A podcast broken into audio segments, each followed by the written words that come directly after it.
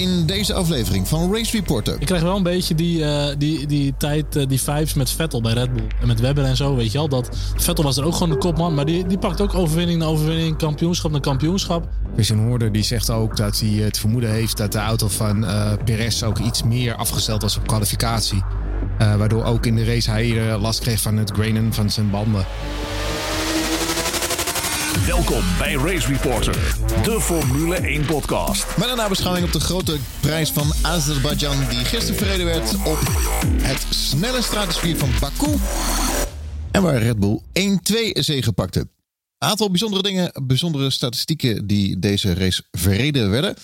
Fernando Alonso debuteerde in de Formule 1 liefst 7771 dagen geleden. Daarmee verbreekt hij het oude record van Michael Schumacher... en heeft de Spanjaard nu de allerlangste carrière in de Formule 1 van iedereen.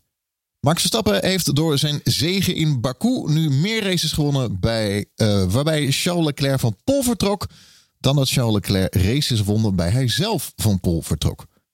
Max Verstappen pakt in Azerbeidzjan zijn 66ste podium voor Red Bull Racing. Daarmee is hij Sebastian Vettel voorbij in het lijstje. De enige coureurs die meer podiums pakten voor éénzelfde team zijn Michael Schumacher voor Ferrari 116 eh, podiums en Lewis Hamilton voor Mercedes met 134. En Verstappen werd eh, en Verstappen werd de zesde verschillende winnaar van eh, de afgelopen races op Baku.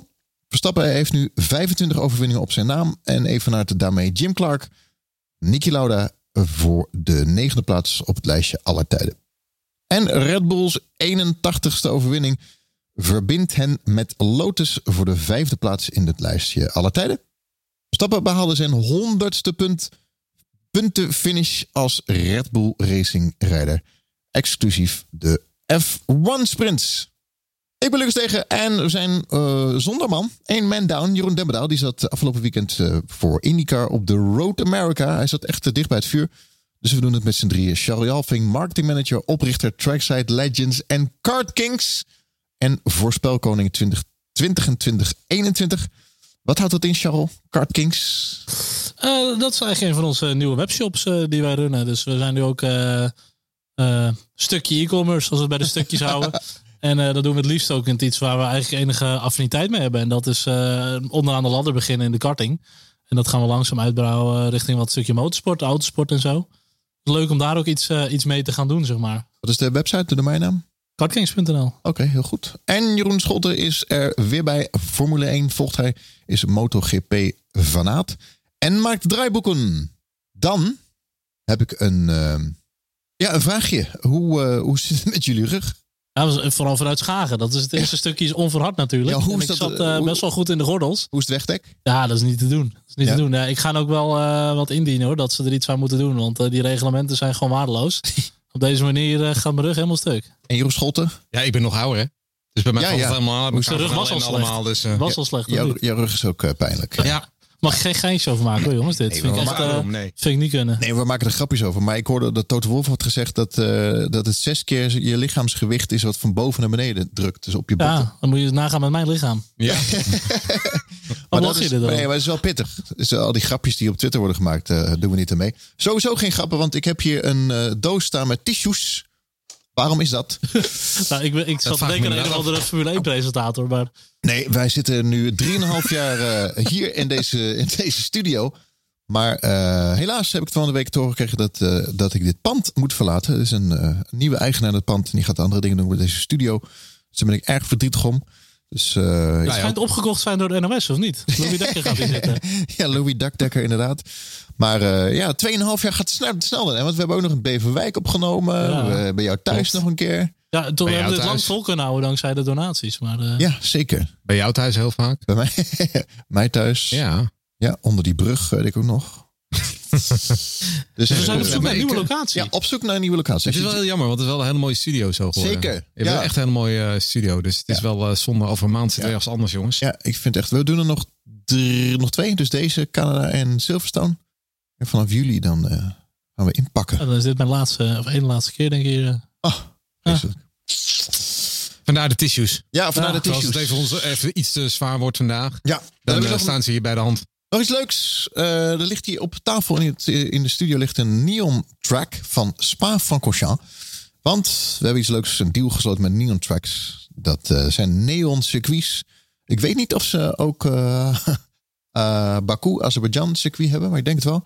Kijk voor meer informatie neon-tracks.com. Krijg je korting, 10% korting als je de code gebruikt Race Reporter 22. Waar gaan we het over hebben in deze aflevering? Dubbele zegen voor Red Bull, de ellende bij Ferrari, het gemopper van Mercedes, de goede prestaties van Gasly en Vettel. Red Bull grijpt de macht in de titelstrijd. Vooruitblik op de Grand Prix in Canada. En de luisteraars vragen via Twitter. Dank weer daarvoor. Charles de race van Baku. Ik heb, eh, we hebben een poll uitgezet. Hoeveel sterren geef je deze Grand Prix? Veel mensen gaven drie à twee sterren. Niemand gaf volgens mij vier sterren. Eh, eigenlijk zit het antwoord al in de vraag. Wat vond je van, van, wat vond je van deze Grand Nee, Prix? mooie, mooie op Ja, vraag, toch? dankjewel. Ja. Nou ja, ik, ik zit daar ook wel een beetje op. Ehm, twee vind ik ook weer niet zo heel veel. Ja, 2,5. 2,5. Vier is maximum? Vier is het maximum, ja. 4, 3, 2, 1 Oh, vier. Oh. sterren. Nee, dan ga ik voor twee. En dan ga ik ook voor twee. Ja. Ik vind hem minder dan, dan dat hij zou moeten zijn. En dat kwam allemaal nadat Leclerc uitviel natuurlijk. Het was ook wel, we zijn ook wel een beetje wat gewend, eh Baku nu. En dat wordt natuurlijk ook wel een beetje gehyped. Van, joh, de meest chaotische race in het jaar en dit en dat. En dat, dat, Ja. dat, dat, in dat opzicht is de Formule 1 eh, de laatste tijd wel wat meer onvoorspelbaar geworden. Want het kan soms gewoon in de ene race helemaal misgaan. Of met het weer, of met een rode vlag of incidenten. En de andere race waar je het verwacht, dan valt het wel mee, zeg maar. Nou, je zag het een eh, race eerder in de Formule 2. Dat was wel chaos troef. Zo. Volgens mij hadden we er nog even wat contact over. Maar dan Ja. zie je ook dat verschil tussen junior rijders en volwassen rijders. Hè? Ja. Er worden zoveel van die cowboy acties daar uitgehaald. Dat is niet normaal. En dit soort circuits, ja. daar kom je er niet mee weg. Maar ze nodigen er wel toe uit met dit soort circuits natuurlijk. Want je kan, je kan echt makkelijk aanvallen. Ja, in dat opzicht is het wel een, eh, een straatcircuit waar je echt goed kan racen, zeg maar. En eh, kan aanvallen. Dat vind ik wel leuk. Een lange rechte stuk ook. Wel tof. Maar goed, eh, eh, qua de race. Ja, weet je, het was op zich, vond ik het niet een slecht begin. Weet je, we hadden al de geweldige pole van Leclerc weer. Eh, de start van Perez. Ook nog de start van Max. Maar goed, die zat gewoon, gewoon klem. Eh, weet je, die Eigenlijk de beste start, hè? ja, verder weg Zo. deze start. Als, dat gewoon, als die run 100 meter langer was of zo, dan had hij er gewoon nog helemaal langs gekund. Maar goed, eh, de jagende Max toch een beetje achter Leclerc aan. Uiteindelijk Sainz die natuurlijk uitviel. Virtual safety car. En toen dachten we, dit gaat misschien wel een strategische race worden. Ehm, maar goed, uiteindelijk na de uitvalbeurt van Leclerc, na de, de motorproblemen, ja, toen kakte het wel een beetje in, zeg maar.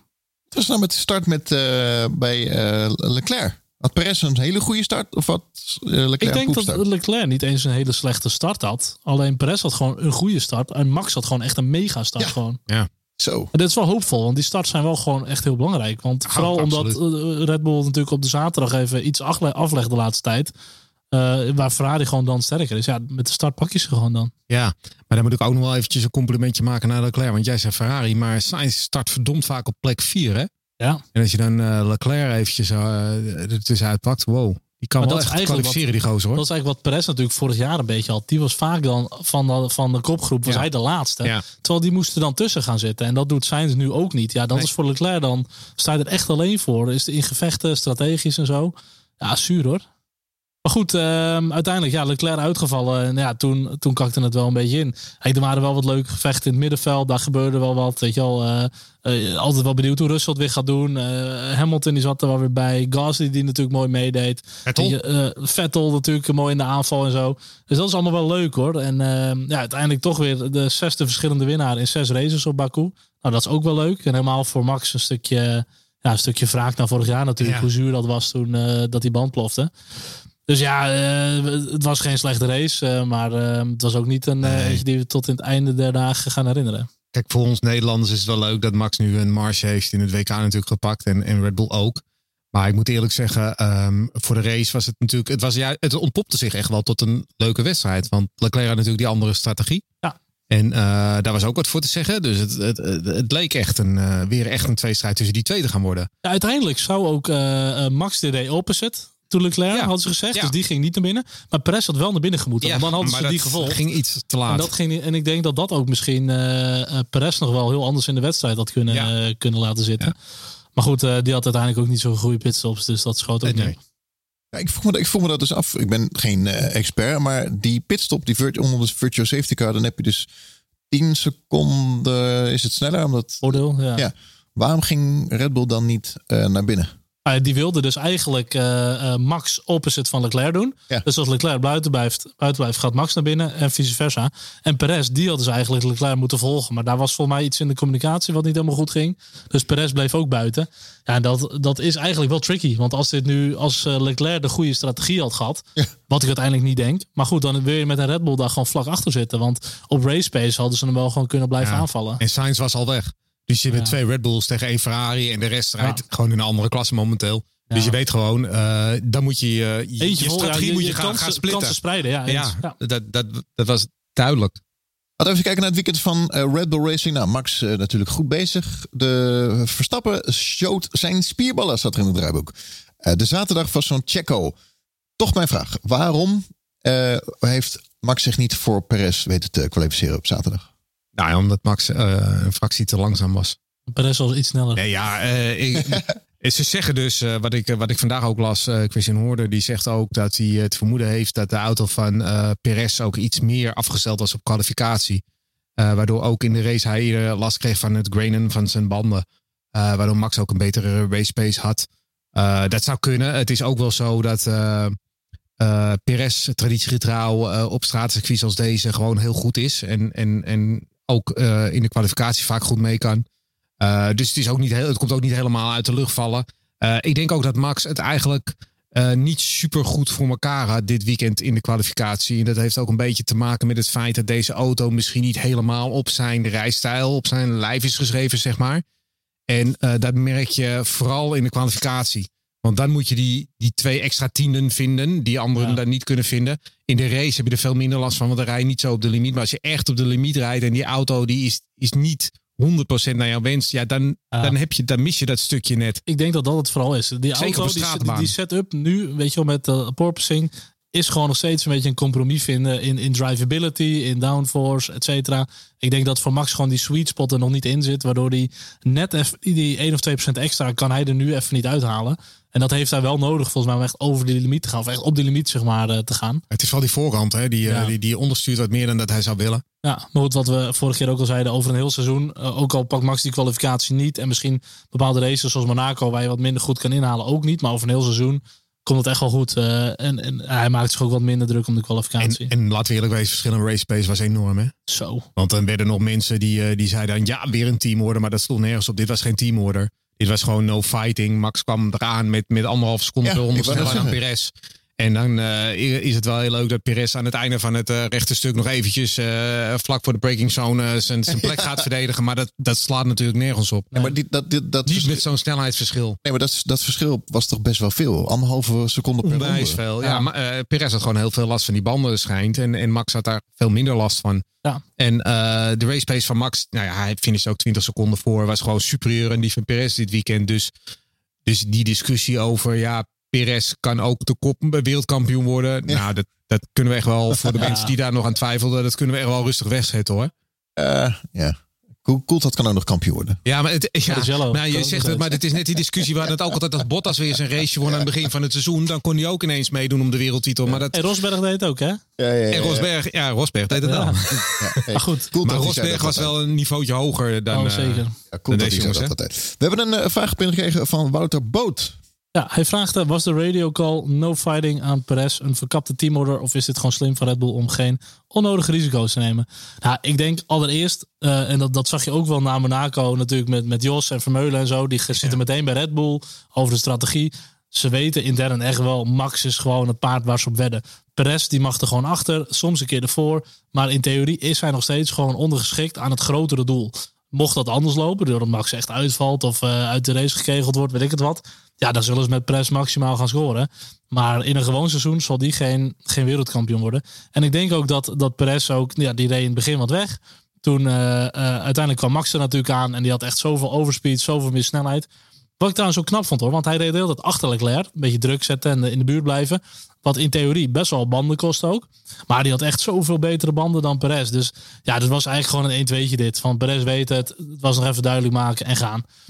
Teamorder vind ik een te zware term, maar het was wel gewoon even, een, uh, even benadrukken, zeg maar. Ja, maar ik, ik moet wel eerlijk zeggen dat uh, dit, zoals Perez nu ook presteert, is alleen maar hartstikke goed voor Max hoor. Max mag af en toe best wel te druk ja. voelen. Ja. Zeker, ik ben er eh, blij hij mee mag- hoor. Ja, hij mag ook af en toe best opgejaagd worden door, eh, door een teamgenoot. Daar, daar wordt nooit een coureur nooit minder van.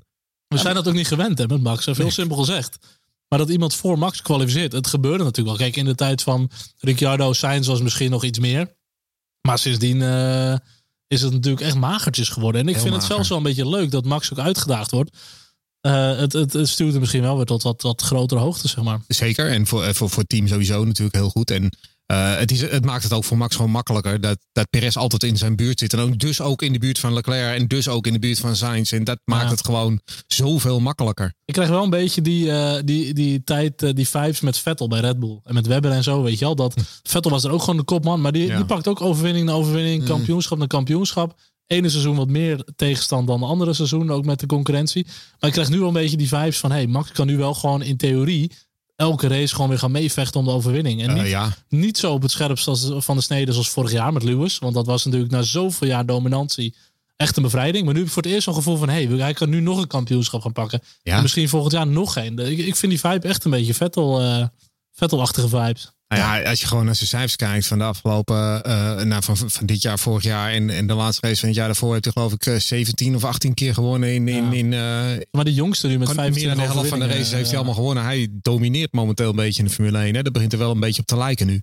Dat is leuk. leuk. Sterker nog, hij heeft dit jaar eh, alle races die hij niet is uitgevallen gewonnen op eentje nou. Is hij tweede geworden.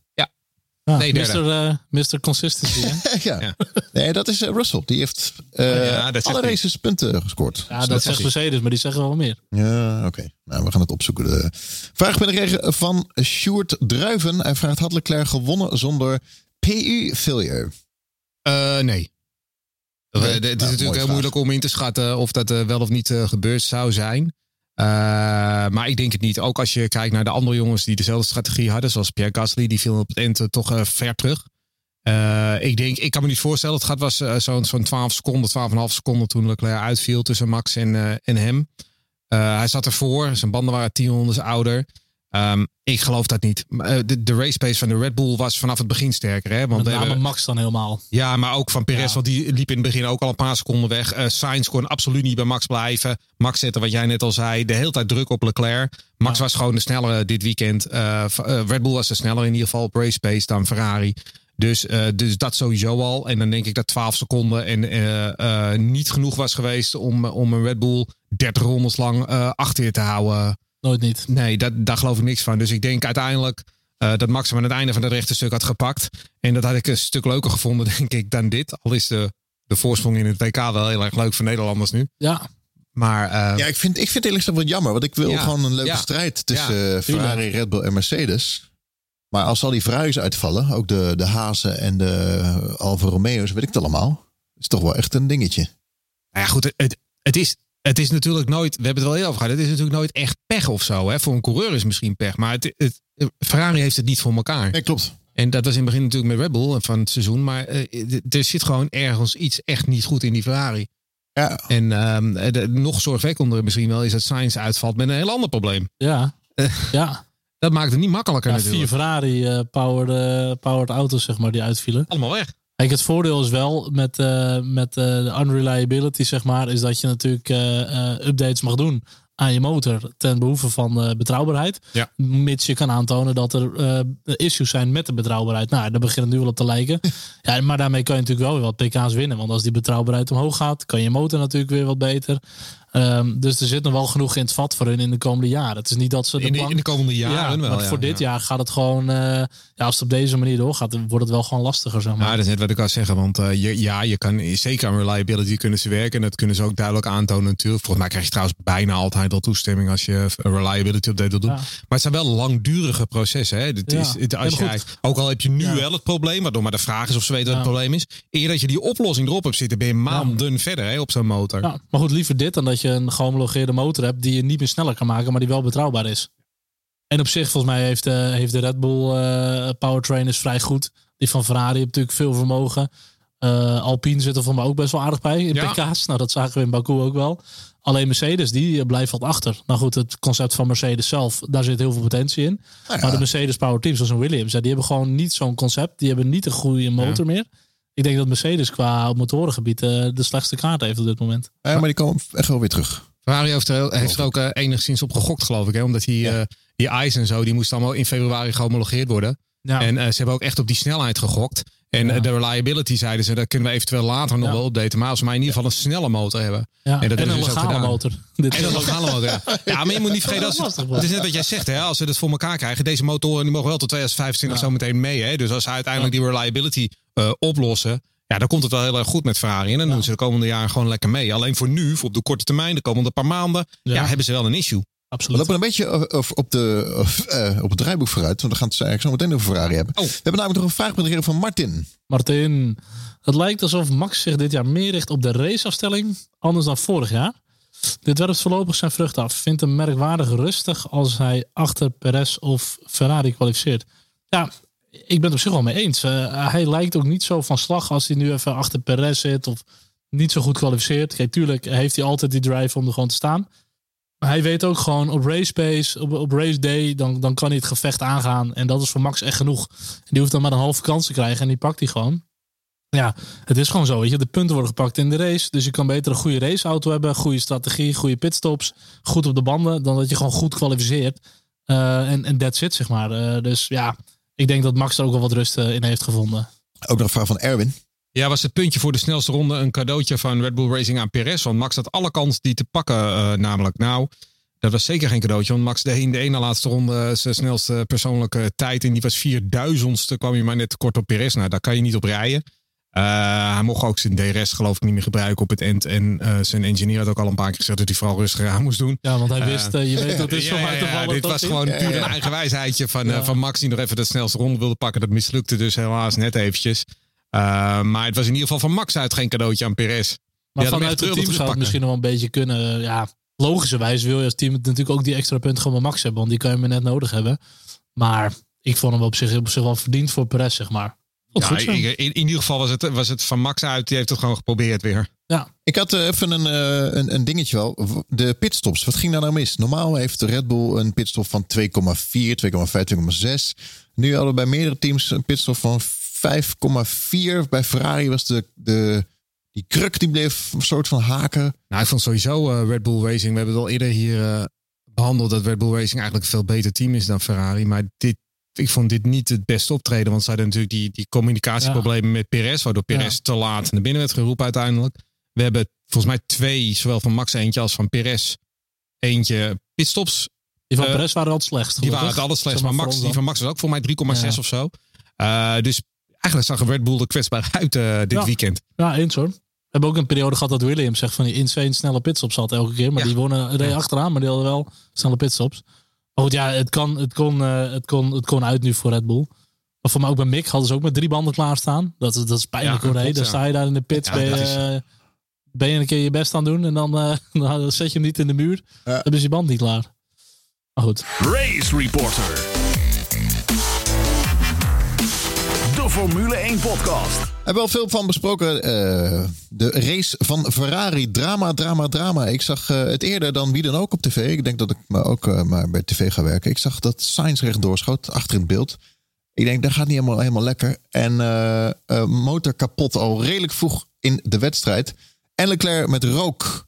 Wat is er toch aan de hand bij Ferrari? Gaat het nog goed komen? Ja, dit, dit vind ik dus echt wel een interessante. Weet je? Vooral het begin van het seizoen. Je ziet gewoon die Ferrari. Bijzonder concept voor de auto. Met die sidepods eh, zo diep naar binnen. Eh, best wel eh, goed om een setup mee te krijgen. Hij is gewoon goed. Weet je? Hij was snel. Hij was consistent. Goede drivability. Goede motor. En ook qua strategie en pitstops. Deed Ferrari eindelijk weer eens een keer gewoon een beetje normaal. Geen, geen dronken Baviaan en zo. Dat je dacht, nou, dit is echt gewoon nu een keer mooi. Ferrari die zich gewoon echt in, in beide kampioenschapsgevechten weer gaat mengen. Wat echt leuk is. Verfrissend. Weet je wel. Geen Mercedes, geen Lewis een keer. Ehm, maar alleen nu, die betrouwbaarheid kostte gewoon echt veel punten. En helemaal omdat het echt head-to-head met Red Bull is. Elke punt die ze laten vallen is of Max of Perez die gewoon meteen naar tussen komen en het afpakken. Ja, het is, eh, voor, voor de Italianen lijkt me dit wel echt vreselijk. Dat je denkt, hé, hey, eindelijk kunnen we weer mee gaan doen. En eh, op dit moment ziet het er gewoon eh, niet heel erg goed uit voor ze. En ze anticipeerden heel goed op de virtual safety car. Ja, Ze hadden geloof ik ook wel een beetje geluk omdat Leclerc daar al redelijk dichtbij al was al. Maar ze anticipeerden ook heel goed en heel snel beter dan Red Bull. Dus waar dat helemaal misging. Dus daar deden ze goed. Maar ja, helaas. ja. ja wat, wat gewoon vervelend is, denk ik, is dat Sainz er ook gewoon, wat we net zeiden, niet helemaal tussen zit. Die moet gewoon eigenlijk ook gewoon, eh, als we hem als tweede coureur gaan bestempelen, plek 2 of plek 3 hebben. Niet elke keer plek 4. Niet elke keer, elke race toch even een foutje of iets. Die moeten gewoon echt gaan staan. Als Leclerc nog een beetje terug wil in de titel, dan, dan hebben ze Sainz echt nodig. Ja, en die moet je nu ook echt als tweede rijder bestempelen. Als Ja. je wil dat Leclerc nog een kans hebt, dan moet je alle punten nu aan Leclerc eh, Ja. eh, doen toekomen. Je kan niet meer Sainz laten winnen nu. Maar voor mij heeft Ferrari er ook niet heel veel moeite mee hoor. Om dat Ja. eh, uit te spreken. Nee, maar als je, als je kijkt naar de kwalificatie, bijvoorbeeld Perez kwalificeert zich nu al twee keer voor Max. Ja. Hoe, hoe leuk zou het zijn als Sainz zich twee keer voor Leclerc zou kwalificeren? Ja, het zag er ook niet heel slecht uit volgens mij eh, in de eerste run en zo. Maar goed, Leclerc had gewoon weer een magistrale kwalificatie. Ook echt gewoon een gat Ja. gepakt en zo. Ja, echt een beest gewoon. Die is gewoon echt goed in die, in die Ja. one-lap eh, eh, kwalificatie. Ja, dat is gewoon mooi om te zien. En ja, het is ook wel weer zuur om te zien dat hij dan uitvalt. Kijk, eh, zijn natuurlijk allemaal Nederlanders een beetje chauvinistisch. Dus qua de punten en de voorsprong voor Max vind ik het natuurlijk niet een, een ramp. Maar als algemene Formule 1 fan eh, heb je liever dat dit gevecht nog wel even doorgaat, zeg maar. En volgens mij is Max nu net zoveel uit te vallen als Leclerc, twee keer. Maar Max twee keer als tweede, Leclerc natuurlijk twee keer als eerste. Alhoewel je natuurlijk over deze wedstrijd kan zeggen dat Max hier ook gewoon had kunnen winnen met Leclerc. Ja. Goed, weet je, dat is een beetje lood om uit ijzer. Ja, Als allemaal alles gefinished waren, had Max ook eh, een end bovenaan gestaan. Alleen Ik- ik- iets minder ver. Ik zeg altijd, ik haal, herhaal mezelf. eh Formule 1 is net als een schooljaar. Halverwege begint zeg maar het nieuwe seizoen. Als in, er krijgt een ommekeer. Oké, Oké. Ja, dat is, dat, is, dat is al jaren zo. eh, jongens. dus, dus Mick Schumacher gaat toch meedoen. Maar wat, waar komt de ommekeer? Gaat Mercedes vooruitkomen? Gaat Ferrari het weer goed doen? Eh, nee joh. Komt McLaren weer Ja, terug? Ferrari gaat wel goed doen. Die gaan wel races weer. Maar Ja. nee, maar Mercedes, dat gaat is te groot. En McLaren is te groot. Nou, Mercedes gaan we het zo over hebben. Maar als die, als die nog een enigszins rijbare auto wil hebben, moeten ze eerder, worden ze eerder langzamer dan sneller op dit moment. Ehm dus ommekeer, ja, nee. Ze zeggen altijd Red Bull is juist in die tweede seizoen zelf heel sterk in doorontwikkelen. En eh, beginnen met een vrij basisauto en die gaan hem helemaal uitbouwen gewoon. Eh, ik denk dat eh, Red Bull er niet minder goed op gaat worden. ik denk de enige die het om kan keren is Ferrari. Ja, die moeten gewoon de races gaan finishen. En gaan winnen ook echt. Maar dan pakken we meteen ook eh, de vraag van Remco mee. Gaan gridstraffen vanwege opgeblazen motoren het verschil maken dit seizoen? En als je dan over een ommekeer hebt, ja, Ferrari en, en Leclerc, die zit nu al aan de limiet voor zijn motor. eh, voor zijn- turbo's in ieder voor geval. zijn, eh, Ja. PU, voor de combustion engine, zeg maar. En voor de turbo, ja, dat ziet er gewoon niet goed uit. En volgens mij, als hij, als hij die, eh, eh, de power unit helemaal vervangt, moet je voor mij vanuit, eh vanuit pit starten. Nou, dan, dan start je wel achteraan. En als volgens mij de, de combustion engine of de turbo, een van die twee vervangen, is vijf plekken. Ja, volgens mij mag je de turbo niet meer vervangen nu. Nee, tien plekken krijgt hij volgens mij. Wat ik Nee, dus als je volgens mij de internal combustion engine en de turbo vangt, heb je tien plekken straf. En Ja, dat, en ik begreep dat dat is het meest waarschijnlijk. Hè? Dat is het meest waarschijnlijke Ja, scenario nu. dus maar dat is voor. Canada, ja. Dus, eh, Maar goed, zij zitten er nu al aan. En eh, als dat zo een beetje doorgaat, ja. wat voor ommezwaai kan je dan maken? Dan uiteindelijk klinkt het heel hard. Dan zijn het dagsuccesjes, dagsuccesjes. Of de keren dat Max misschien een straf moet pakken. Kijk, ik denk dat het onvermijdelijk is dat eh, bijna iedereen wel een straf gaat pakken dit seizoen. Nou, weet ik niet. Max zit nu op acht. Ja. Eh, of nee, nee, nee. Max zit nu op. eh, Max is nu als de tweede motor begonnen in Ja. race 8. En we hebben Ja. dus. Je hebt maar 22 races. 22, ja. Dus je zou 24 races mee kunnen doen. Ja. Ik moet wel zeggen, er zijn uitlaat. Daar mag je er 8 van hebben. Hij heeft Klopt, er ja. 3. Dus dan zit hij net iets boven het schema. Maar het zou best kunnen dat Max eh, zonder uh, gridstraf het seizoen doorkomt. Het kan. Het zou, het zou wel heel goed zijn hoor. Maar ehm, er, er gaan gewoon nog heel veel eh, teams, coureurs gaan gewoon nog straffen ja, ja, pakken. ja, En, zeker. Dus qua ommezwaai zit Red Bull gewoon op elk vlak zit ze gewoon goed, zeg maar. Ja. Hoe, zit, eh, hoe zit Max met zijn, eh, zijn strafpunt op zijn rij, eh, rijgedrag? Ja, die zit nog wel aan de hoge kant. Ja. maar- Zeven heeft hij. ja, maar ja, dat zie ik ook niet echt als een groot probleem. Volgens mij. eh, Kan je, kan je dat niet. ook zeggen van ik pak hem, eh, ik pak hem dan? Nee, op dit moment, op dit moment niet. Want dat is, dat is dus ook. Als jij zo'n grote puntenvoorsprong hebt, dan hoef je ook geen malle dingen te doen. Hè, Nee, waarbij ik, je straffen krijgt. Dus het, Vergelijk vorig jaar met Hamilton. Dat is Ja. elke race was natuurlijk hard tegen hard. dat was race Eh, op het randje. Maar dat, dat hoeft nu Ja. ook even niet. Hè. Dus, en volgens mij vallen in september zijn eerste punt alweer. Dus dan, dan wordt het alweer. eh, Dus nee. Nee, niet zoals in de Formule 2 met uh, Cordeel die eh, gewoon een race moet overslaan. Gewoon. die gewoon te veel strafpunten heeft. Ja. Zuur hoor. Gaan we die vraag nog doen van Bob en Maarten Eversen? Ja, nou, ehm, Bob die vraagt: eh, hoe kijken jullie naar de situatie van Ferrari? Is het pech? Of moeten ze overpresteren en gaan ze daardoor stuk? En Maarten Evertsen vraagt: rijdt Ferrari niet gewoon met een te hoog vermogen onder druk van Red Bull? Ehm, nou, ik denk niet dat het nou echt per se is dat ze alles te ver hebben opengezet en dat ze hem helemaal kapot maken. Ik denk dat dit gewoon puur ehm, gewoon pech is. Gewoon echt dingetjes die ze gewoon niet hebben voorzien. Hydrauliek aan de motor. Ehm, het is natuurlijk in dat opzicht nog wel eh, eh, eh, alles wat gehomologeerd is nog vrij nieuw. Het moet natuurlijk heel lang vastgezet worden. Dus ik denk, dit zijn gewoon dingen die kom je gewoon in de praktijk tegen. Waarbij je echt mileage op die auto hebt. Ook race mileage. Dat is natuurlijk ook weer heel anders dan op een, op een testdag een paar rondjes rijden. Ehm, gewoon in raceomstandigheden. En ik denk dat alles wat ze nu meepakken, daar gaan ze de betrouwbaarheid in zien te verbeteren als dat mag.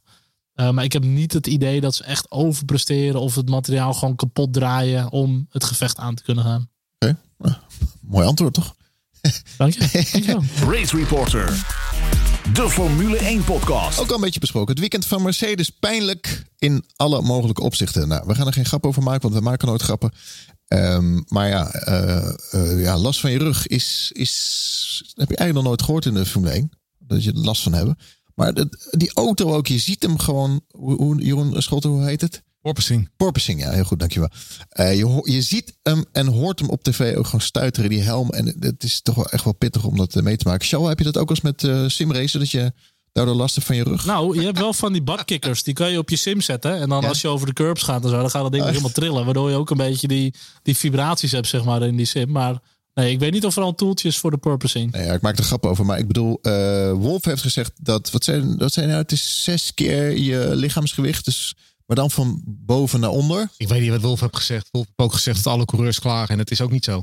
Nee, maar ja, er worden nu grap over gemaakt. Maar ik denk serieus wel dat Lewis echt wel last heeft van zijn rug. Want nu ja, wordt nee, gezegd, maar ja, dat hij is- doet zielig, la la la. Dat is ook, uh, we hebben er ook een vraag over van Martijn Pot. In hoeverre moeten we de rugklachten van Hamilton serieus nemen? Nou, ik denk dat we die wel serieus moeten Ja, nemen. Want ik denk als je gewoon 305 kilometer met dit soort snelheden over een uh, straatcircuit heen rijdt. Dan aan het einde van de rit, als je zo stuitert, dan gaat het ergens pijn doen. En uh, ja, ja dan, dan lees ik op Twitter, ja, maar waarom Russell dan niet en waarom Hamilton dan wel? Nou ja, ten eerste, we hebben allemaal, uh, we kennen allemaal wel mensen om ons heen die een wat mindere rug hebben dan een ander. Want rugklachten zijn bij, bij sommige mensen hebben gewoon Ja, veel last van je kan heel rugklachten. fit zijn, maar je kan nog steeds een zwakke rug hebben. En ten tweede, als je gewoon eens naar voetballers gaat kijken, die hebben het ook vaak, die al over de 30 zijn, uh, die hebben vaak toch uh, problemen met hun fysiek in de zin van dat ze wat minder snel herstellen van blessures. En het andere is dat ze vaak kleine fijn, pij, pijntjes hebben na wedstrijden. Nou ja, dat is wat Hamilton nu ook had. Kijk, je bent 37 jaar en dat is net allemaal wat anders dan wanneer je 2 of 23 bent zoals Ja. Russell, weet je. Dat lichaam reageert daar gewoon anders op. Dus ik, ik denk wel dat daar een verschil in kan zitten, ja. Maar ik denk dat, eh, dat het meer twee vragen zijn. Hoe ver moet je de rugklachten van Hamilton serieus nou nemen? En in hoeverre moet je de purposing klachten van Mercedes Dat is een ander nemen? verhaal. Ja. En ik zei ook op Twitter al van, joh, eh, heeft hij, heeft hij echt last? Of is het ook gewoon zwaar overdreven? Kijk, dat hij last heeft, dat lijkt me 100% duidelijk. Want Ja. je, dit is niet uit de lucht gegrepen, zeg maar. Dat zelfs eh eh, Russell er last van heeft. En zo ook over die nierklachten, weet ik het wat. Ja. Geloof ik ook echt allemaal.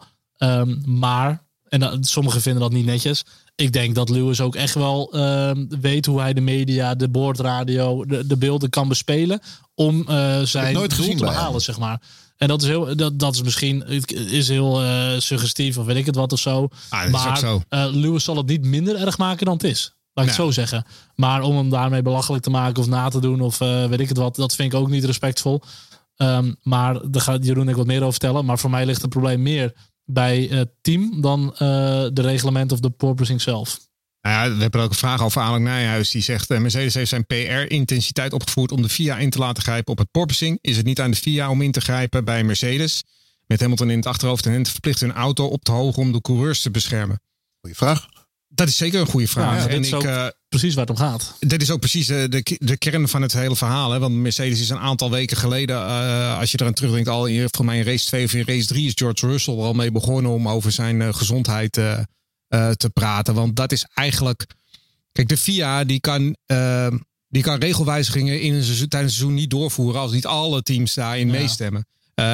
Eh, tenzij eh, veiligheid of gezondheid in het Ja. geding is, dan kunnen ze altijd ingrijpen zonder toestemming van andere teams. En dat is natuurlijk waar Mercedes, waarom Mercedes de hele tijd nu begint over, ja, maar mijn rug doet pijn, mijn nieren doet pijn. En nu begint Russell dit weekend ook al over van, ja, er kan ook wel eens een eh, grote, het is een, een accident waiting to happen. Want er komt wel een keer een moment dat ik net aan het stuiteren ben en dan hou ik hem niet meer. Eh, het is gewoon een, een spel. Ze zijn de VIA aan het bespelen. En ehm, dat is al weken geleden begonnen. En daar zijn ze nu eh, volop mee bezig gegaan. Ik heb gisteren ehm, een tweetje gedeeld van, van Lennon Norris. Die vond ik echt heel Ja. treffend. Die het Hij is heel- ook gewoon zo lekker eerlijk en heel- heel zonder eerlijk mensen inderdaad. onderuit te halen. Ja, zonder, die gaf Ja. helemaal geen mening over Mercedes, maar die zei gewoon hoe zij het zien. En hij zegt gewoon eh, heel simpel van ja, wij hebben als McLaren zijn ook last van het porpoising. Maar wij eh, hebben ervoor gekozen om onze performance wat terug te draaien. eh, de auto iets hoger af te stellen. En eh, we halen nog steeds Ja. goede resultaten. En we hebben gewoon, dat, dat is bij ons gewoon onder controle. Dus tussen de regels door zegt hij, wij kunnen die auto ook zo laag zetten als Mercedes. Dan Ja. kunnen we direct met hun het gevecht aan gaan, maar dan hebben wij er last van. Ja.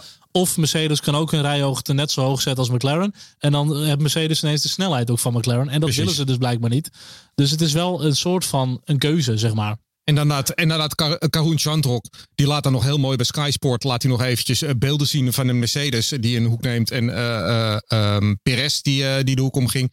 En waarbij gewoon heel duidelijk te zien is dat de Mercedes, die ligt gewoon anderhalve centimeter lager. Er gewoon bijna geen spel tussen, hè? Dan de Red Bull. gewoon. Nee, echt bijna niet. Die is, en, die, en die vloer, die is ook veel flexibeler dan die van de Red Bull. Die, Ja. Red Bull heeft een aantoonbaar stijvere vloer en ligt hoger. Eh, dus Mercedes, het lijkt wel alsof ze het er echt om doen. Dat ze die auto zoveel mogelijk laten porpoisen. Om, om die vloer, de- Ja, zo'n flexibele ja. vloer en hem zo laag te laten lopen. Ik denk wel dat dat ook te maken heeft van die, met dat concept van Mercedes. Zonder die sidepod, zeg maar. Ik denk dat het in theorie wel een heel goed concept kan zijn. En heel krachtig kan zijn, want het is een hele slanke auto. Ehm, maar ik denk dat zij met een grotere, hogere rijhoogte gewoon die setup gewoon echt... Dat hij gewoon helemaal gaat ondersturen, oversturen, geen grip en zo. Dus ik denk dat ze ook wel een klein beetje moeten. Want anders gaan ze heel veel terrein verliezen, ben ik bang. Nou ja, en de, de Ames die kwam toevallig eh, vandaag met een heel mooi stuk erover. En die is langs de, coureurs gegaan en langs wat teams gegaan. En die heeft ook wat eh, informatie ingewonnen en dergelijke. Nou goed, en ten eerste kwam die uitspraak van Toto Wolff van ja, alle coureurs behalve Alonso vinden dat porpoising een probleem is dat aangepakt moet worden. Eh, nou ja, goed, dat blijkt dus helemaal onzin te zijn. Er zijn maar drie coureurs die erover geklaagd hebben. Waaronder volgens mij Sainz er eh, eentje van is. Nou, ik gok dat die andere tweede Mercedes-coureurs zijn, maar dat weet ik niet. Ehm, en daarbij de teambazen. Nou ja, hij, ze zijn ze één voor één afgegaan. De meeste teambazen zeggen gewoon dat het porpoising voor hun min of meer onder controle is. En ja, inderdaad, eh, ze, de meeste die geven wat performance weg om het porpoising onder controle te krijgen. Op het ene circuit moeten ze dat wat meer doen dan op het andere circuit. Maar eigenlijk geen van allen vindt het een groot probleem. En sommigen zeggen inderdaad onomwonden van ja, het is, het is Mercedes dat een probleem heeft ermee. Mercedes heeft gewoon hè, een ontwerpfout gemaakt. Dat kan eigenlijk niet, want volgens Lewis Hamilton maakt zijn team geen fouten. maar eh, het lijkt er toch echt wel op. Goed, Toto bood ook meteen na de race al een soort van zijn excuses aan. Van sorry dat we je deze auto, deze, eh, Ja. deze setup geven, zeg maar. Ja, maar, wel, maar, Lewis Hamilton moet daar altijd lezen- ontzien worden. Hè? Nee, zeker, zeker. Kijk, in Nederland hebben we natuurlijk misschien nog een beetje een aversie tegen Lewis Hamilton. Omdat hij eh, hard tot hard eh, met Max heeft gevochten. En daar ook waren wel wat politieke spelletjes. Maar ik vind wel, je moet eh, met gezondheidskwesties moet je gewoon serieus zijn. En voor mij ligt de focus meer bij Mercedes dan bij Lewis. Ja, ik, ik, ik, heb, eh, ik probeer echt wel daar bo- boven te staan. Ik heb niet zoveel aversie tegen Lewis Hamilton. Ik vind het echt een hele grote kampioen. En ik heb jarenlang ook echt van hem genoten. Sterker nog, in die strijd tegen Massa toen was ik ook echt voor hem. Ja. In de strijd tegen Rosberg en Vettel was ik ook altijd voor hem. Dus ik, ik vind het echt een, eh, een geweldenaar. Maar ik, ik moet wel eerlijk zeggen dat, dat het spel wat Mercedes nu speelt is, is zo obvious. Ja. En, eh, Goed, de Red Bull zou andersom precies hetzelfde zou het gedaan. precies hetzelfde hebben gedaan. Daar ben ik helemaal dan met je ook zo eh, gedaan. Maar Dus ik- dat is allemaal hetzelfde. Ik moet wel zeggen, wat ik ook begreep van Ames is dat de VIA het wel degelijk heel erg serieus neemt, die klachten. Eh, dat moeten ze denk ik ook wel op het moment dat er geklaagd wordt over gezondheid. Dan heb je moeten. reliability, imago, dat soort dingen. Als er nu wat gebeurt, dan hebben ze gewoon een probleem. Ja, dat is ook zo. Zou, ja. zou het voor het eerst zijn dat de VIA ingrijpt wegens gezondheidsklachten? Oh. Vast niet. Ze Ja, hebben volgens mij wel eens eh, coureurs aan de zijlijn gezet en dat soort dingen. Als het nog niet veilig genoeg Ja, was. volgens mij werd, het- werd het wel. eh, Kimmy met een kater?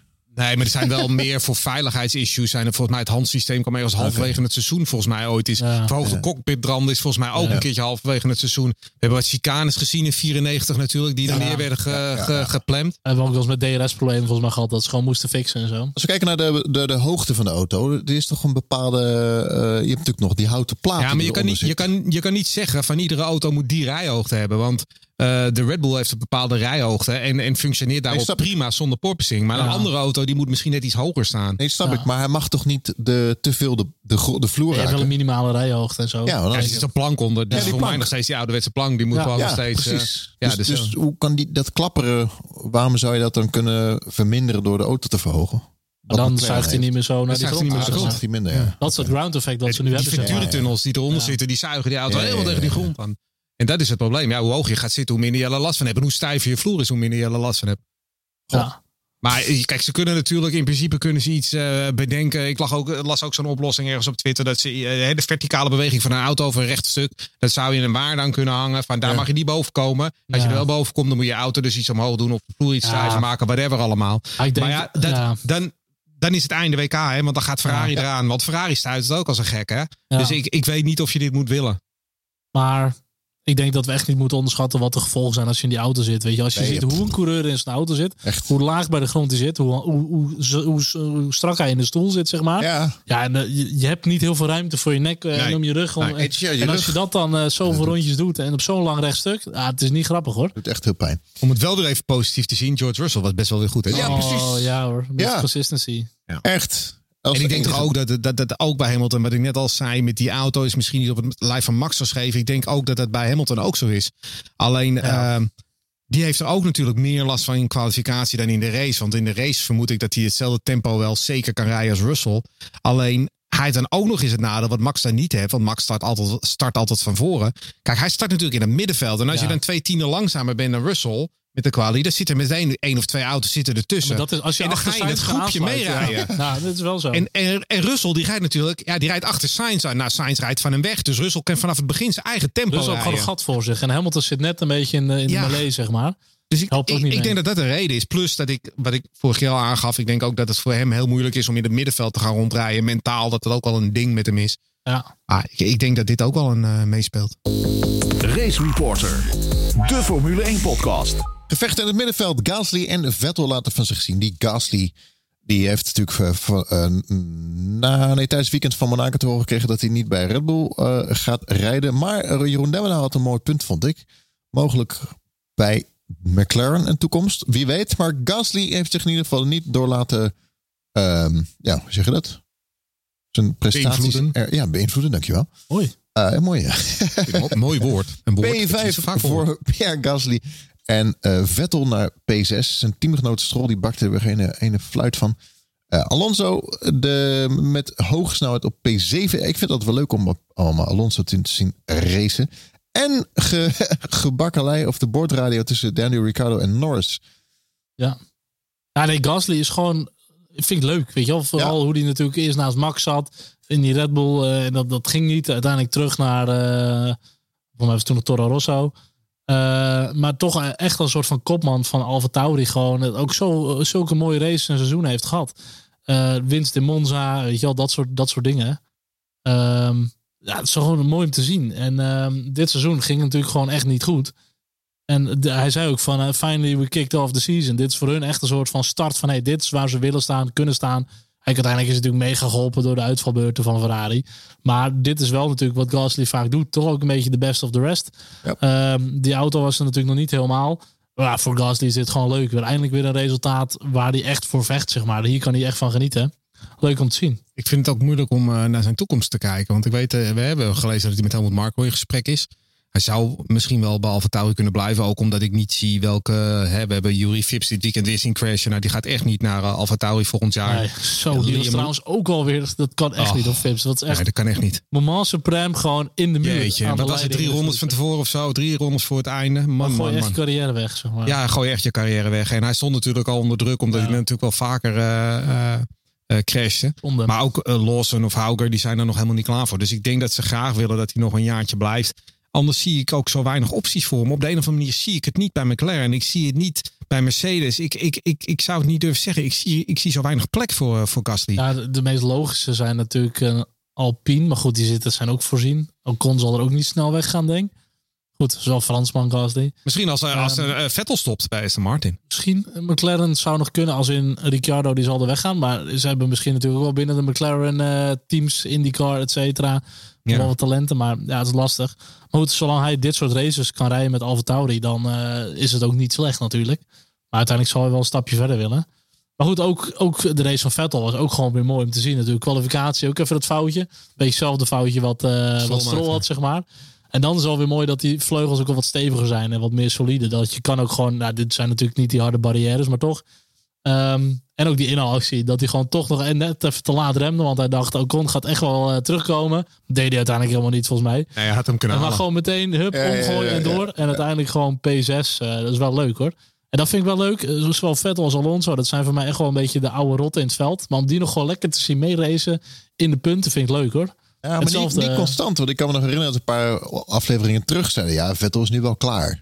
Nee, maar het is in principe ook klaar. Ik bedoel, hij is gewoon over zijn top heen. En eh, Ah, is zelfs daar is hij nu wel Nou, echt wel voorbij. Maar ze hebben heus wel die goede races, zeg maar. Ja, maar ze hebben nu ook dat, dat Red Bull chassis, hè? Ja, Wat nu toch een beetje, wat ze nu een Ja. beetje beginnen te begrijpen, denk ik. Wat, nou ja, ik denk dat dat wel een beetje geholpen heeft. Want ze, ze reden natuurlijk 14 en 15 in het begin van het seizoen. En het begint nu een beetje.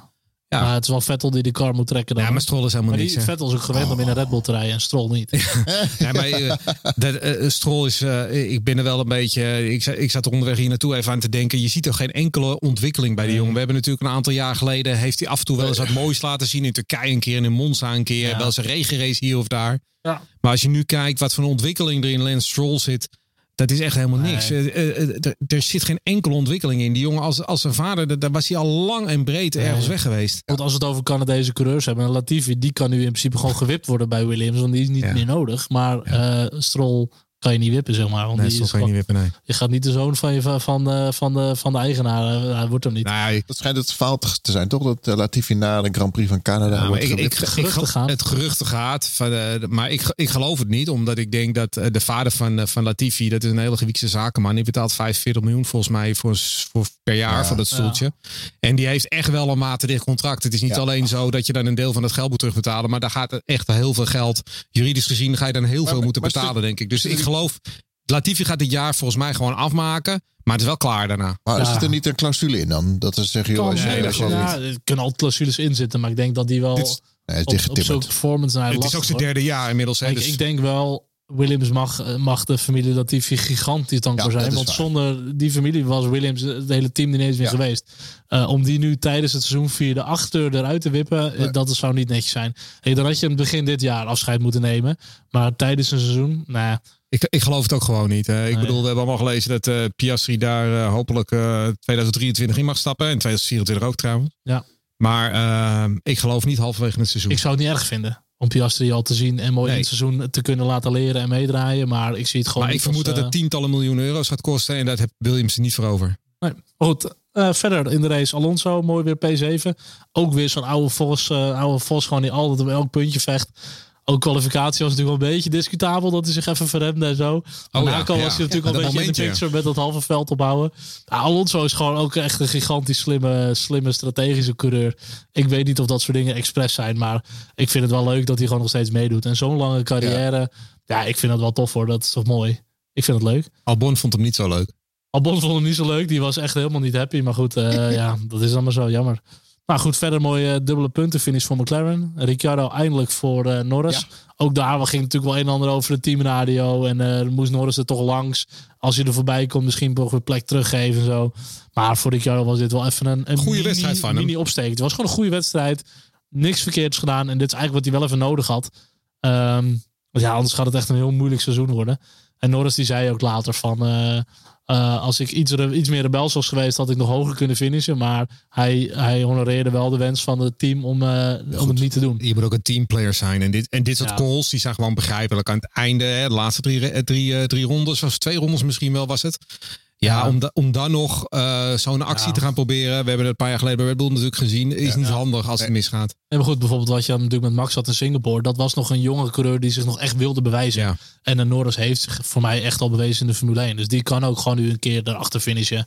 Volwassen genoeg. Ja, ik vind Norris sowieso bij McLaren een goede team, eh teamplayer. hoor. Oh, heel goed. Eh, We hebben ook nog een vraag erover van Marion Simmelink.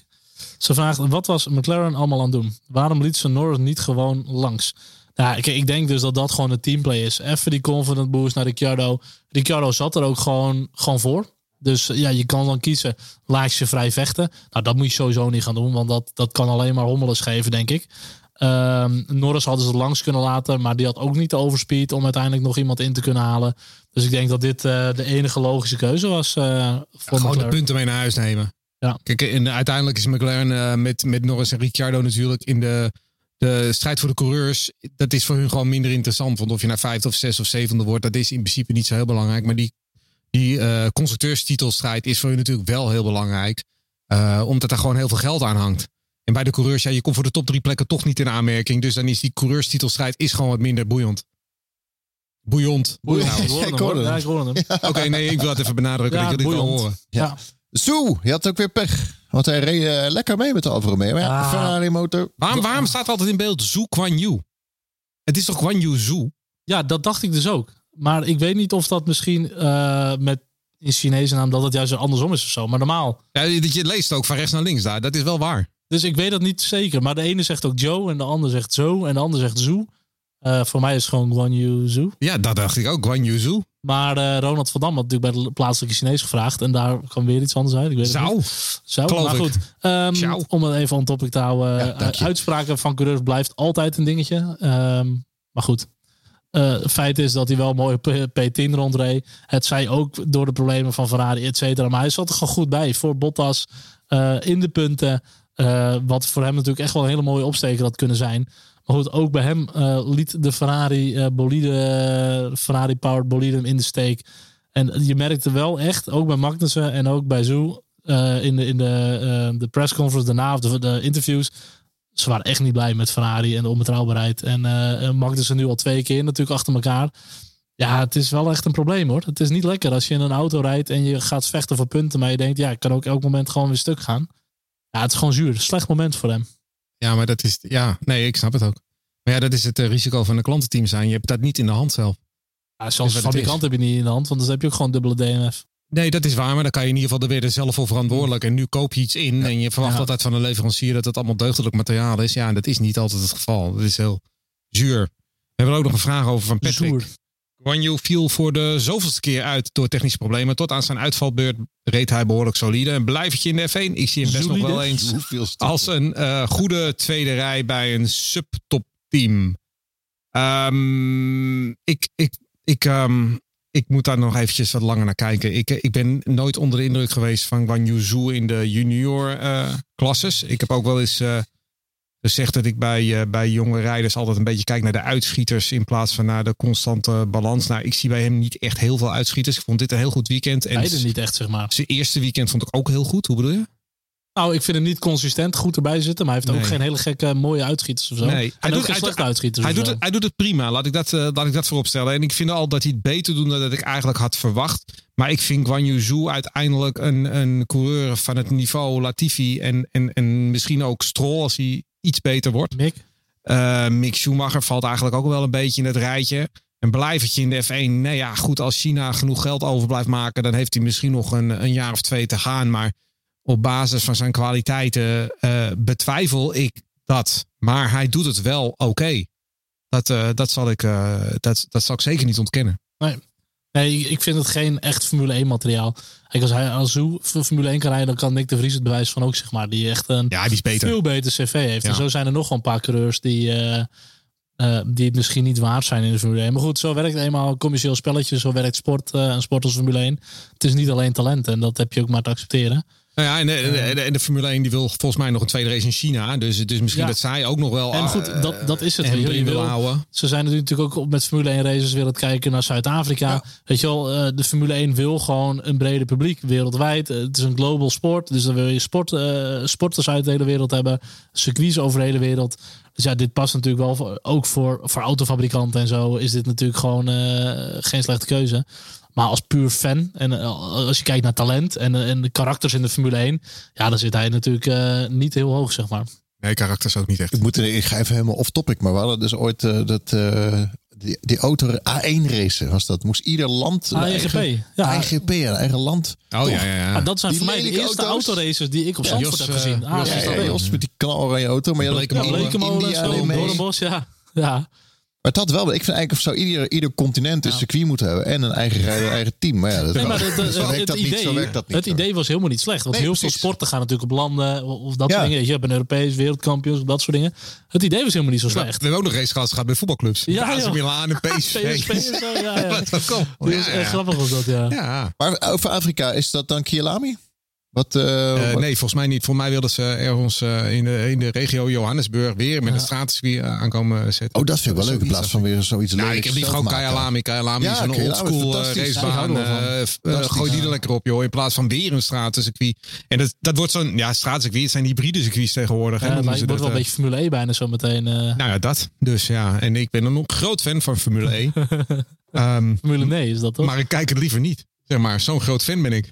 Wie heeft het draaiboek gemaakt? Want er staat hier best wel een heftig puntje. Staat hier Red Bull richt slachting aan. Ja, Wel heel pittig. pittig nou ja, als je van eh, paardenworst houdt of zo, dan eh, zit je goed bij deze podcast op dit moment. Want het is natuurlijk wel zo. Ze pakken gewoon een maximale in punten. de WK-strijd. er, Ja, zijn, er zijn twee rijders die zijn een plekje verschoven. Dat is Perez en Gasly. Perez die heeft dus eh, Leclerc ingehaald. Max heeft nu 150 punten. Perez heeft nu 129 punten. En Leclerc 116. Russell 99, Sainz 83. Ehm, ja, Red Bull heeft 179 punten en Ferrari 199. 279. Ja, sorry. Ja, 279. Eh, heel goed, dankjewel. En de tape van Yuki, die heb ook een punt. Heb ik Eh, wel benoemd of niet? Zo, ik schrok wel even toen ik op de onboard in één keer die achtervleugel van Yuki zag. Dat ik dacht, oh jee, die miste al van zijn vleugel. En toen ging Ja. gelukkig die DRS weer in. Toen kwam wel- die, die andere helft weer tevoorschijn. Maar dat is natuurlijk op zo'n, op zo'n circuit als Baku is dat natuurlijk, daar wil je het minst graag. eh, en Monza dat je Ja, dat achtervleugel tricky, eh, op half elf hangt. En dat ze die gewoon even met van die eh, aluminium die tape. ja. ja. het is geen duct tape, Nee, aluminium tape. Dat is nee, toch wel nee, iets anders. Maar ehm, het feit dat je met een Formule 1 auto met 300 plus eh over, Ah, joh, over lachen. het straatcircuit met een beetje tape. Lachen Wat ik nog het ergst vond met Yuki is dat ze hem helemaal niet hadden geïnformeerd. Hij komt binnen voor zijn stop en hij vroeg zich af waarom het zo lang duurde. Dan denk ik, Oh, dat informeer de jongen van joh, je hebt een defecte vleugel, we gaan het maken. Want voor dezelfde gedenktijd, banden zitten erop. eh, ik ga Ja. klaar om weer te gaan rijden. En dan zijn ze nog met je vleugel bezig. Pas toen ik de pits waar. uitrijd, toen zeiden ze van geen DRS meer gebruiken en eh bla bla bla problemen. Ja, dat is raar. Dat is, eh, Informeren. Maar eh, dit- voor mij die nog niet benoemd. Het was wel een merkwaardig puntje van dat is een heel merkwaardig puntje. Ja. Ja. En heel zuur voor hem. Want hij zat ook in de punten. En daardoor natuurlijk uiteindelijk ook gewoon uit de punten eh, gevallen. Was wel ook wel zuur. Want ook een Yuki die kan het echt goed gebruiken. Even een positief resultaat. Wat ik ook een opvallend puntje vond trouwens, wat we nog niet benoemd hebben, is dat de regie gewoon mist dat George Russell derde is geworden. De regie mist alles. Die komt gewoon als derde over de finishlijn, hebben we niet gezien. Nee. Wij zaten naar McLaren te kijken, die, eh, die een half, eh, half circuit achterlagen. Of een Sainz die dus van de baan afgleed. Ja, had, dat is echt- als eerst gezien. Voorheen met de regie ook. Zodra er erg schil was, binnen twee seconden schakelt de camera gewoon naar waar de geel is. Naar die bocht of incident. Ja, Tegenwoordig. dus we wachten maar, we wachten maar, we 15 tot wachten 20 maar. seconden is niet gek. En dan denk je, oh, geel is weg. Geen idee wat er gebeurd is. En dat vind ik jammer. Dus als ze luisteren Is van de zo, regie, eh, doe even wat aan alsjeblieft. Even een foutje maken over de eh, stand. Leclerc heeft 46 punten. eh, nee, die, heeft, die had 46 punten voor. En nu 34 punten achter in slechts vijf races. Nou, we hoeven niet over Ferrari weer te gaan hebben, hoe slecht het daarmee gaat. En Alpine gaat over Alfa Romeo heen. Nou ja, het is natuurlijk wel zo dat. eh, kijk, kijk, je hoeft geen paniek te hebben nu, want 34 punten is nog. hè, we hebben pas acht races gehad, dus er is nog wel. eh, er is nog echt wel wat achterstand in te halen. Maar het is maar één. Uiteindelijk is het één uitvalbeurt van Max en het staat weer zo'n beetje gelijk. Eh, maar het is natuurlijk wel zo dat Leclerc het nadeel is. Hij heeft nu natuurlijk niet meer te maken met Max. Hij heeft te maken met Max en Perez. Want hij heeft nu twee Red Bulls voor zich staan. Eh, en, en wat dus ook inhoudt dat de Perez pakt dus ook heel veel punten ook bij hem weg. En dat maakt het natuurlijk allemaal wat complexer voor hem. Eh, maar goed, ik, ik lees overal al het WK is beslist. Dat is allemaal gelul. Dat is het niet. En het WK is nog helemaal open. Alleen het is wel zo dat Leclerc nu wel echt moet gaan scoren.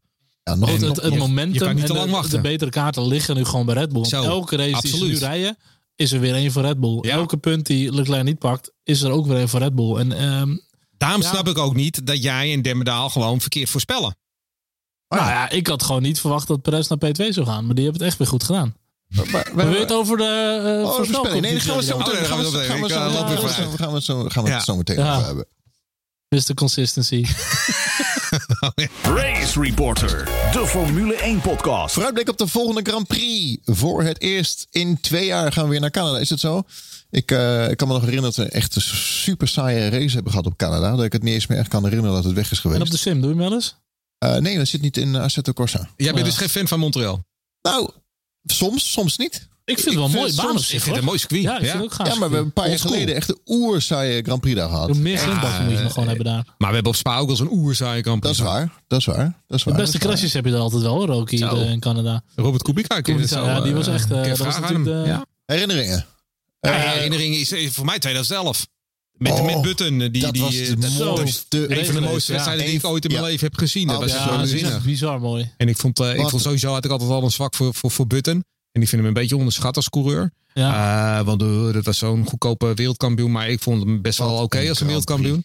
dat zijn wel de races Dat was echt een race. Het was Ja. waanzinnig. Maar dit is hoe Formule 1 hoort te zijn. Zo. Dat kan niet elke keer zijn. Je, je gooit één keer in zo'n tijd zes, maar dit was zeker wel een, eh, een keer zes gooien. Ja. Mooie hebben we race. gehad. Ja, Eh, kijk, we hebben die mega crash van crash. Kubica. We hebben Vettel die natuurlijk... eh wat De was ook. Hamilton, eh, gewonnen, hè, Kubica daar. Ja. Het jaar daarna. Oh ja, met die, ja, die ging het toen goed. maar dat vond ik de ja. zwaarste crash ooit in Formule 1. Die was wel hard. Nou, meer omdat je hem gewoon ook... Hij natuurlijk zo lang Zo. richting die camera ging. En het draaide nog. En eh, alles brak af van die hele monokok gewoon. Hij wou de race daarna, was voor mij de week daarna was het toch een Grand Prix, wilde hij weer gaan racen. Dus hebben ze gezegd, nee, Dat we niet. jij maar Dat was niet racen. Want we hebben Vettel nog gehad, die natuurlijk zo- zijn overwinning kwijtraakte eh, toen hij Hamilton blokte, dat hij er even afging. Dat hij dat pitboard Oh, ja. eh, Ja, dat vond ik dat is kinderachtig. Ja, weet je, wat hebben we nog op de Wall of Champions allemaal gehad en zo. eh, Ja, ja, dat vind ik ook mooi is daar zo langs, eh, rakeloos. eh, ja. Ja, dat was eh, voor mij 99, hè, dat ze alle drie die kampioenen eraf gingen daar. Ja. Villeneuve en Schumacher. We hebben Jos nog gehad zeker, met, eh, met die oranje Ja. helm. WK Ja. eh, helm Ja. of zo. Die heb ik het universum gezien in Den Haag. Van EK, eh, EK was Ja. bezig toen of zo. Het EK voetbal. Dat hij een oranje helm op zijn kop. was zo begaan voetbal, Jos. Dat, dat, die race met eh, Jos, met die ora- oranje helm, heb ik dus gekeken in Den Haag het universum. Volgens mij was het georganiseerd door Dutch Maaike. Ja, dat Zo. klopt toch wel, ja. Die race was georganiseerd door ja. Dismaker. Nee, Ja. om die vesten. Grand Prix van Canada. Ja? Nee, toen keken ze met de hele groep hebben ze naar die, Ja, eh, nee, die dat- race ja, gekeken. Ja, in het universum in Den Haag. Oh, daar weet ik helemaal niks van, joh. Ja, we, we hebben influencers, soort influencers jongen, onder onze luisteraars. Ik ben veel te oud voor dat soort fratsen. Eh, Woods die over de kop ging. Eerste bocht. Felipe Massa die daar keihard crashte aan. Zo, die kwam er ook even een keer richting die eerste bocht Ja. kegelen volgens mij toen. eh ze, de Rosberg. de dat. Rosberg en Max. Die En daar Max ooit, ja, een mooi duel. Max toen op die oude banden. Rosberg Zo. op snellere banden. Toen dacht je, die gaat er zo voorbij. En Max heeft hem toen De- echt zo lang achtergehouden tot hij in een foutje kwam. Een crash in de pitstraat omdat het licht op rood stond. Dat ook eh, Ja, Canada? met Kimmy. Ja, Ja. Oh ja, ja, ja, klopt. Ja. Ja. dat ze allemaal achter elkaar, zes of eh, zo, op elkaar ja. doken. Kegel Ja. tegen elkaar aan, ja. En Nigel Mansell die in de chicane van de baan vloog en twee, drie rondes in de auto bleef zitten omdat hij vast last had van zijn grote teen. En het was sowieso, ook, eh, het was ook op Canada volgens mij dat Nigel Mansell eh, dacht dat hij gewonnen had. En alvast ging juichen en dat zijn Is motor zo? afzocht. Dat is volgens mij ook op. Canada. En toen won eh, Nelson Piquet alsnog. Nelson De Piquet. allerlaatste Hebben Lewis overwinning een van gehad die Piquet. zijn auto naar de finish ging duwen of zo?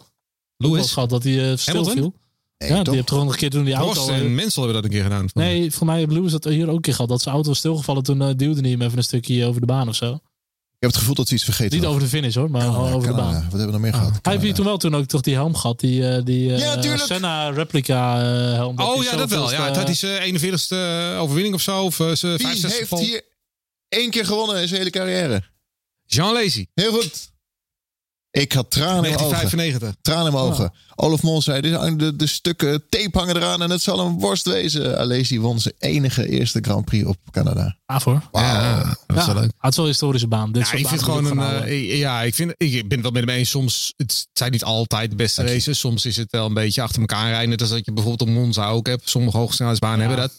Eh, maar dit is wel een historische baan. En ook een echt een oldschool baan met gewoon gra- eh, gra- gravel overal. Je kan geen foutjes maken wat dat betreft. beetje gravel, beetje Ja, hebt, ik vind het wel een leuke layout. Ik Op vind de die is ook heel leuk, chicane op toch? het einde. Die vind ik ook wel mooi. Gewoon eh, dat dat- De Wall of Champions. Ja. Ja, daar, ja, ja, dat is prima. dikke Ja. broodjes gewoon. Coulthard, die, er was een re- regenachtige baan. Er ontstond een droog spoor. Maar onder het bruggetje was het nog nat of zo. En Oh, ja, ja. Rende Ja, precies ja. op dat punt. Daar was het nog nat. Die woep, vloor zo zijn achteraan. Ja, dat bruggetje. Dat Dus is Jean nog steeds. Alesi, of nee, nee, nee, Alonso, die ging na de race het publiek in. Volgens mij was het ook Canada. Die ging gewoon in de tribune, ging niet tussen het publiek zitten. Dat is Leuke eh, Grand Prix. mooi, Hey, hoor. eh, verwachtingen. Wat zijn de verwachtingen? Dus nog niet de punten, maar wat, verwachten we van de race in Eh Sander die vraagt ook, wat verwacht u van Canada? Zal Max daar weer Wat een moeizame kwalie krijgen op een semi-staatscircuit? En zal Checo zijn teamgenoot weer out-qualifyen? Ja, nou ja, eh, dus, ik heb geen idee. Ik ben niet zo goed met het voorspellen. Dus eh, kijk naar de heren hier tegenover me. Die staan 1 en 2, dus kom maar door. Ja, Sander, je vraagt aan de verkeerde op dit moment. Maar zal Checo hem weer uitgaan? Nee. Nee, dat gaat niet nog een keer gebeuren. Niet op de... Ik heb trouwens gekeken, maar Checo die heeft hier uit in de Zauber op het podium gestaan. Eh, Heel, heel goed. Maar voor de rest heeft hij echt helemaal geen, eh, niks gepresteerd hier. Oké. En nou ja, Ja, wel eens wat punten hier en daar gepakt, maar niks bijzonders, zeg maar. Goed dat je het zegt, want dan ga ik mijn voorspelling even aanpassen. De rest is op dit Oh, circuit eh, historisch gezien, nou, dat zeg ik één keer voor mij zijn tweede seizoen, was hij in de Zauber heel goed hier. Eh, voor de rest is hij historisch gezien hier niet heel goed. Nee. Oké. Vind jij dit een stratencircuit ja, dan? Nee. Nee, hè? Nee, zeker niet. Nee, vind Nee. ik ook niet. Nee. nee, sommige mensen vinden dat wel, maar ik vind het net als Mel, eh, Melbourne, zeg maar, dit is Ja. geen straatcircuit. Melbourne. Melbourne. Adelaide, dat is Melbourne. straatscircuit. Melbourne. Gaan we voorspellen? Of gaan we het even nog heel lang hebben over wie er op nummer 1 Nee, staat? we moeten het wel even over de uitslag hebben natuurlijk. nou, want ik vind wel, ehm, Jeroen Scholten, de uitslag vind ik netjes. Want hij heeft ook gewoon, hij heeft de eerste plek goed, de tweede plek en P10. Ocon. Wauw. Zijn, zijn geliefde Ocon. Ja, Ocon. Dat is zo, dat gebeurt niet vaak. Dus Jeroen die, is wel, eh, goeie, die staat nu op P2 in het, eh, in het voorspelkampioenschap. En Lucas gaat Jeroen Scholt, voor de duidelijkheid. Dat, niet ja. mensen denken dat die jongen met die baard dat heel goed kan. Maar ik ben het dus. Ja, ja. volledig goed. Is dat de eerste volledig goed dit jaar? Nee, hij is niet volledig goed, want hij heeft niet plek. Leclerc was uitgevallen, hè? Oh, Oké. Ja, Ah, ja, dat is waar. Ja, dat kon ik ook niet van tevoren zien. nee. Spannend dit. Dankjewel. Lucas gaat dan wel aan de leiding en ik sta P3, dus het wordt nog wel even een comebackie. eh. Ja, maar het is tenminste wel voor het eerst eh, spannend dit jaar. Door mijn strategie, hè? Hey, door jouw eerst, de Ja. eerste paar races. Maar ook te wij volgen. hebben pas Jij acht bent eigenlijk een 24 soort van. Aston Martin. Lucas, je kopieert mij volledig en daarna ga je in één keer hard. dat doet Aston Martin Dat nog doet niet. Aston maar- Martin nog niet. Nee. Dankjewel Daniel voor het bijhouden. Eh, het Daniel. Voorspel, spel, spel. Ehm, Jeroen Demmenau heeft zijn voorspellingen ook ingestuurd. Die gaat dan als eerst. Leclerc, Verstappen, Perez, Ocon. Eh, ja, Jeroen Scholte, jij mag dan, denk ik. Ik eh, ga voor eh, Max Verstappen gaat dit winnen. En ehm, eh, ik denk, ik denk toch echt dat, dat Perez weer tweede wordt. En Leclerc derde. En tiende wordt Gasly. Doe je dit uit je hoofd? Of ga je echt analyseren naar afgelopen race en vorig jaar? Nou, weet je wat het is? Nee. Je krijgt. Nee, ik, ik doe dit wel uit mijn hoofd, want ik zit er niet van tevoren bedenken. Maar eh, het is gewoon gokken. Laten we eerlijk wezen. Nee. Maar ik moet wel zeggen dat. eh, Daarom ben jij nooit. Ik maak er een studie je, van. nee, maar je krijgt natuurlijk. Het is natuurlijk wel zo. Dat, je- kijk, afgelopen race zit nog in je hoofd. Dus je denkt. eh, Ja, daarom. Dus dat Ja. heb je altijd wel een beetje dat je Ja. dat meeneemt, natuurlijk. Maar ik, eh, ja. Ja. Daarom vind ik het spannend nu. Nou, Lucas, kom maar door. Ja, ik wil het wel vasthouden. Maar ik, iets in mij zegt dat, eh, dat Max niet goed gaat. Dus ik durf eigenlijk niet op Max te, te wedden. Want precies wat je zegt. Ja, Max heeft nu gewonnen. Dus het is wel een hoge snelheidsbaan. Ferrari. Eh, ik ga, toch Max Verstappen. Maar hij gaat het verder niet zo goed doen. Hij gaat het niet zo goed doen, maar hij wint wel. Nee.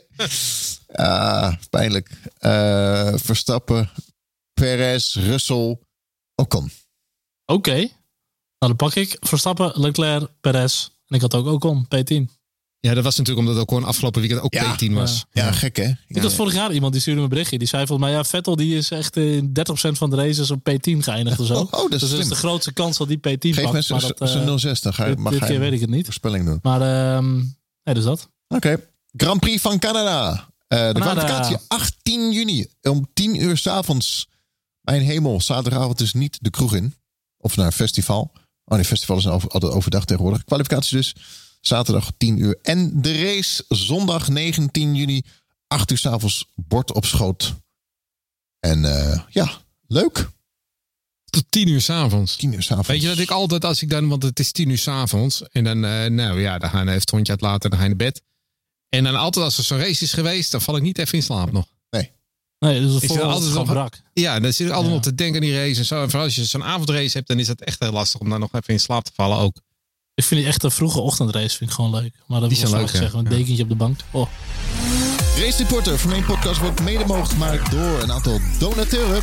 Ik noem Goud en Platina, Rens Verbenen, Niels de Boer, Bas van Bodegraven, Etienne Peters, Menno van de Veen, Ewout, de Formule 1 uit Alkmaar, Joost Landzaat, Ronald Plas, Kevin Rijmert, Rowdy Rabouw, Remco Zoon, Chris van Disbergen, Chris Niels, Karin, Jano Dijkstra, Jasper Heijmans, Hugon Elbersen en Ron Hazelbach. Platina, Annelies Bier, super bedankt. Daan Legrand, dankjewel. Mike, Ties Roodhout en Harry de Groot. Wil je ook lid worden? Ga naar f1podcast.nl. Dat is f1podcast.nl. En wil je ook zo'n mooie neon tracks? Een circuit in neonkleuren? Ga dan naar neon-tracks.com. Gebruik kortingscode RaceReporter22. Dat is RaceReporter22. Meer informatie over deze actie op f1podcast.nl. Goed. Oké. Nou, thanks weer. Ja, Ja, was leuk, leuk dat je er was, eh, Charles. Geweldig. En eh, tot de volgende in Canada. Doei. Groetjes, groepsfoto maken nog. Smiley. Dag.